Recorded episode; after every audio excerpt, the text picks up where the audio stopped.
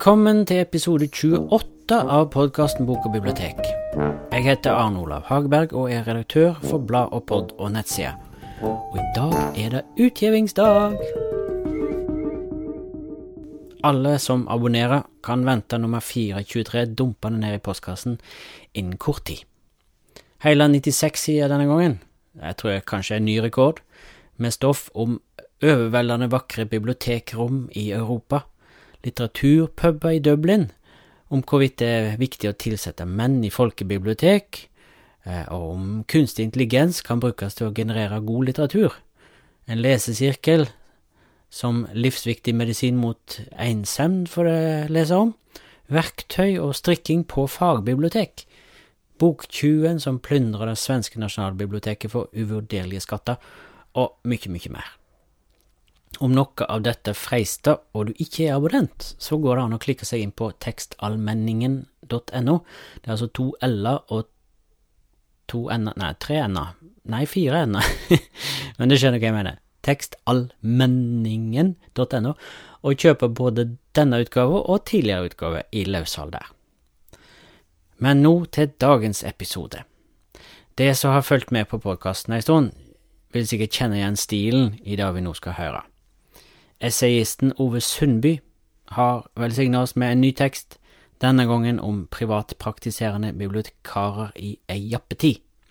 Altså, vi skal tilbake til 1980-tallet, og i kjent stil så svinger vi innom både den gamle bibliotekarskolen i Dælengata i Oslo, en helt nødvendig klassereise inn i bibliotekverdenen, myter eller sanninger om at en bestemt mennesketype kjenner seg tiltrukket av bibliotekaryrket, og en nesten glemt parentes i den norske informasjonskunnskapens historie. Så det er bare å sette seg godt til rette og bli med til Dælengata i Oslo en gang på midten av 1980-tallet, i denne teksten som først sto på trykk i utgave 3 2024 av Bok og bibliotek. Privatpraktiserende bibliotekarer i en jappetid av Ove Sundby Lest av Kari Nokken Haugsheim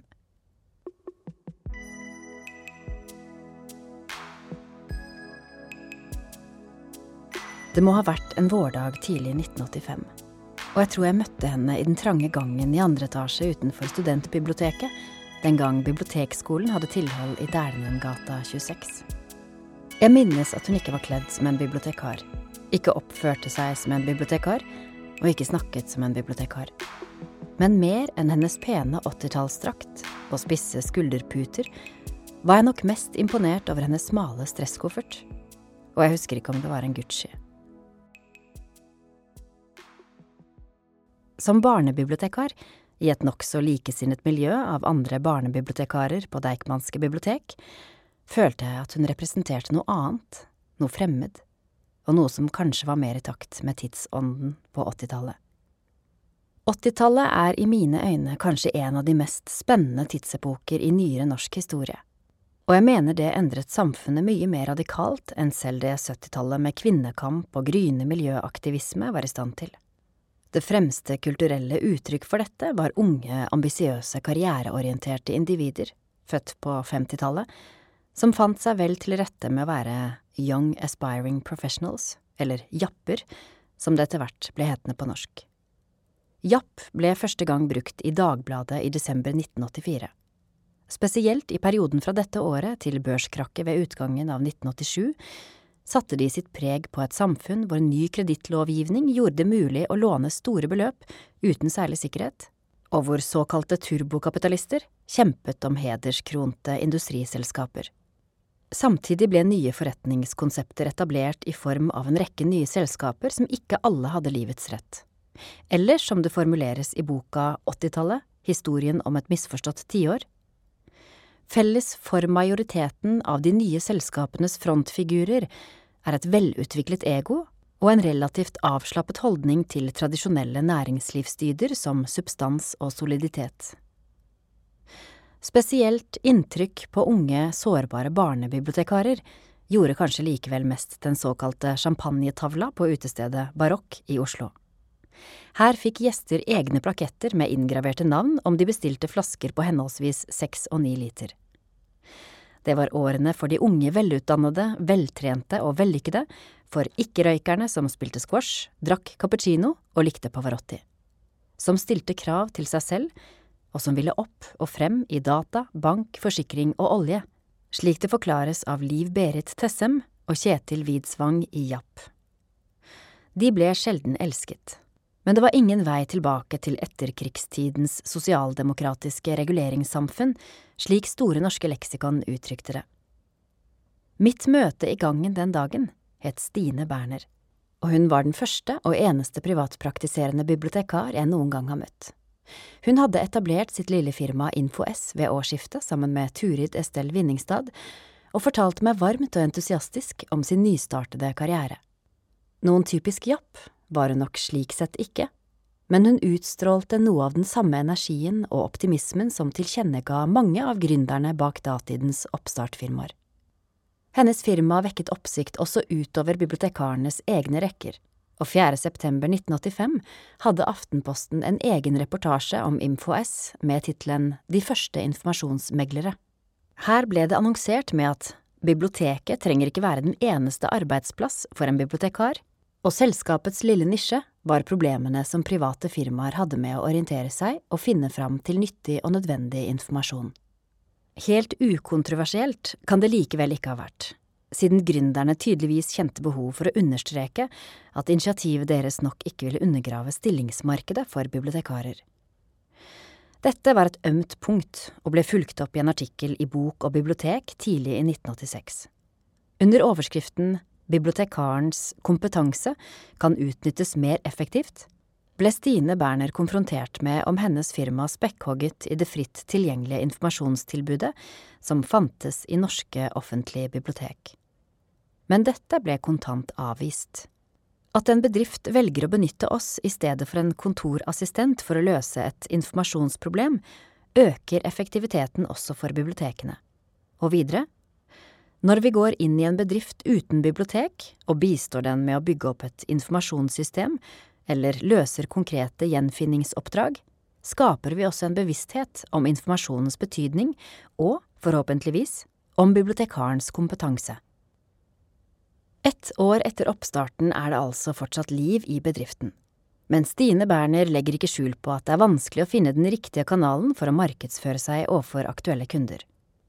Antagelig var det like vanskelig for menigmann da som nå å forstå at skreddersydd informasjon faktisk kan beløpe seg til en god del kroner, men hun oppsummerer sine erfaringer med at vi er fornøyde så langt. Riktignok tar tingene lengre tid enn man tror til å begynne med. Ressursene setter grenser. Regnskap, administrasjon og markedsføring tar mye tid. Vi har forsøkt å få tilgang til UBs database, men har så langt hatt visse vansker med det. Man kan likevel ikke si at Stine Berner kastet seg uten vett og viten ut i en karriere som informasjonsmegler. Hun tok eksamen på Statens bibliotekhøgskole våren 1984 med hovedoppgaven Behovet for informasjonsmeglere i Norge.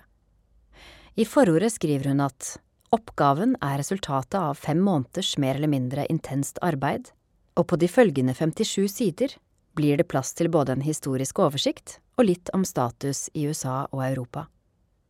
Om Norge konstaterer hun at her finnes det ikke noen slik privat tjeneste tilgjengelig, men hun har tro på at det vil være et marked for dette også i Norge.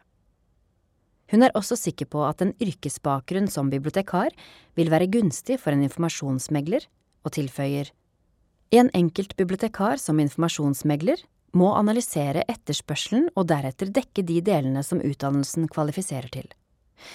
Siden bibliotekarutdannelsen i dag er sammensatt av forskjellige valgmuligheter, ville flere bibliotekarer som arbeidet i samme informasjonsmeglerfirma, kunne tilby et større spekter av tjenester. Stine Berner hentet naturlig nok mye av sin faglige inspirasjon fra USA, som kunne skilte med flere suksessrike informasjonsmeglerfirmaer, og hvor hun også høstet mesteparten av innførslene til litteraturlisten sin. Av norske forbilder var det få, men hun nevner i oppgaven to norske bibliotekarer som i 1958 startet sitt eget konsulentfirma. I den forbindelse skriver hun. Det kunne ha vært interessant å finne ut hvordan de drev dette firmaet, hva slags oppgaver de påtok seg, og eventuelt hvorfor de sluttet virksomheten. Den ene av dem, Torborg Collin fra Kristiansand, var tydeligvis en energisk dame som blant annet hadde ledervervet i flere perioder for Norske forskningsbibliotekarers forening.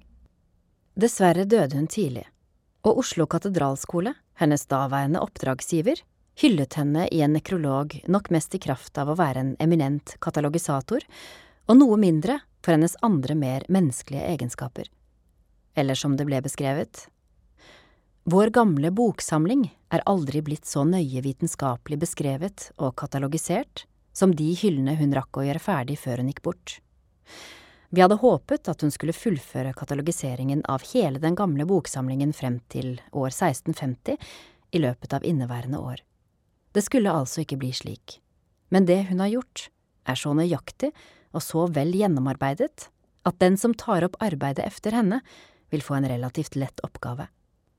Riktignok er hvert enkelt menneskeliv unikt, og nekrologene likeså, men jeg tror likevel at det innenfor sin sjanger på mange måter ikke fins maken til denne noe sted.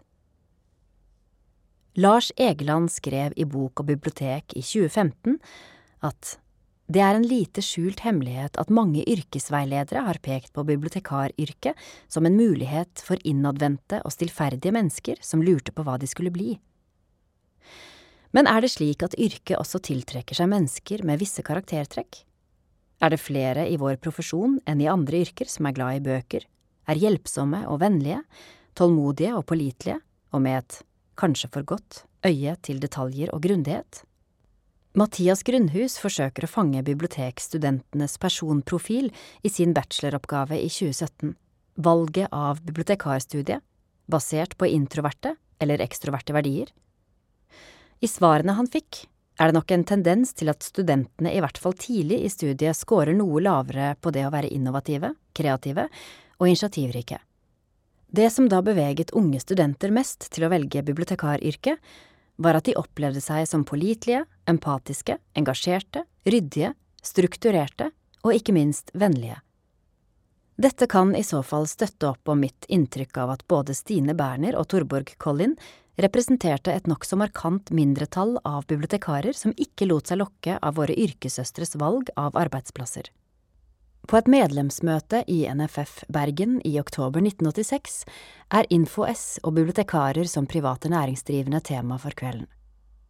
Mot slutten av referatet skrives det InfoS må i sitt daglige arbeid bruke egenskaper bibliotekarer vanligvis ikke er så flinke til å utnytte. De må ha initiativ, være kreative og stadig finne på nye metoder, og de må ha en pågående holdning. Eller for å sitere en høyerestående kilde, for mange er kaldt, men få er utvalgt.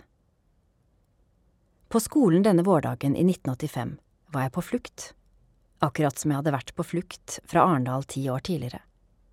Den gang måtte jeg bort fra den byen som er så vakker og kjedelig at man blir drevet til vanvidd. Den eneste mulige fluktruten gikk via høyere utdannelse og det som senere ble benevnt som klassereisen. I 1985 var jeg altså igjen på flukt, nå fra gode kollegaer i barneavdelingene på Deichmanske bibliotek. Denne massive ansamlingen av en unison yrkesgruppe disiplinerte oss mer effektivt enn noe Nord-Korea kunne pønske ut, og jeg var ikke modig eller sterk nok til å gå mot strømmen, enten det gjaldt bokvalg eller meninger. Derfor hadde jeg overfor mine arbeidsgivere på Deichmanske bibliotek grått meg til bibliotekskolens forberedende kurs for dem som ønsket å søke på videreutdanning i informasjonskunnskap og EDB. Her traff jeg altså Stine Berner, som jeg beundret, men samtidig vurderte som en svært eksotisk plante. Jeg hadde ikke selv mot til å gjøre som henne, men møtet inspirerte meg til å tenke nytt i jakten på en annen jobb. Nøkkelen var en elendig eksamen i Pascal-programmering, og ivrig jakt etter stillinger som brøt med bibliotekarstempelet. Tilfeldig nok fant jeg året etter en utlysning som konsulent i Statens edruskapsdirektorat, som krevde utdanning og erfaring fra fagområdene bibliotek og eller informatikk. Heldigvis var man ikke veldig kresen der i gården, og jeg fikk jobben, som langt på vei senere har definert hele min yrkeskarriere og mitt liv. Det er lite informasjon å finne om den videre skjebnen til InfoS. Begge entreprenørene hadde en solid faglig bakgrunn med bibliotekarutdanning og universitetsfag i finsk, spansk og statsvitenskap. Men det nevnes også at firmaet ikke inkluderer litteratursøk online. Begrunnelsen var at Infos har erfart at norske bedrifter primært er ute etter norsk informasjon om norske forhold. Prisen for oppdrag var satt til 300 kroner i timen. Det var det samme beløpet som barnebibliotekarer på Deichmanske bibliotek på den tiden ble anbefalt å ta for å holde foredrag i barnehager. I 1986 finner man riktignok tre annonser for InfoS i Norsk mediehåndbok, men deretter er det helt taust. På denne tiden dukket det også opp en konkurrent til InfoS, med navnet Access Information Services, som holdt til i Langesgate nær Rikshospitalet. Det kunne skilte med flere ressurser, både økonomisk og personalmessig, og hadde også en mer pågående reklameprofil. Det utga Nordisk online håndbok og arrangerte konferansen Oslo Online, etter mønster av London Online, i flere år rundt 90-tallet. Kanskje det likevel ikke var så rart at InfoS gikk undergangen i møte. Og da som nå er det jo slik at anslagsvis bare ett av fem nystartede firmaer overlever sine første fem år. Høsten 2010 dør dessverre Stine Marie Berner altfor tidlig, og historien lukker seg. Begrepet informasjonsmegler har i våre dager fått en mye mer odiøs klang og kobles opp mot innhenting av personopplysninger og påvirkning av digitale konsumenter. Et eksempel er Cambridge Analytica, som vi kjenner fra presidentvalgkampen som brakte Donald Trump til Det hvite hus. Hvorvidt frittgående bibliotekarer var involvert i den prosessen, vites ikke. Takk for at du lytta. Om du likte denne episoden, så er det altså to andre av Ove Sundby sine tekster lagt ut her i podkasten. I episode to og episode ti. Send som alltid gjerne innspill og tips og kritikk og det du måtte ha på hjertet til post krøllalfa bokogbibliotek.no, eller finn telefonnummeret mitt på nettsida bokogbibliotek.no og gi meg en pling. Det er alltid kjekt å snakke med folk som er glad i bøker og bibliotek. Og som alltid er det gull med liking og deling av episoder, men det aller, aller beste er visstnok om lyttere tar seg tid til å skrive en setning eller to, eksempel på Apple Podcasts eller sånn, om hva Eh, du eventuelt da liker med denne podkasten. Ja, så er det sagt. Da vil jeg bare si takk for i dag, og så høres vi snart igjen.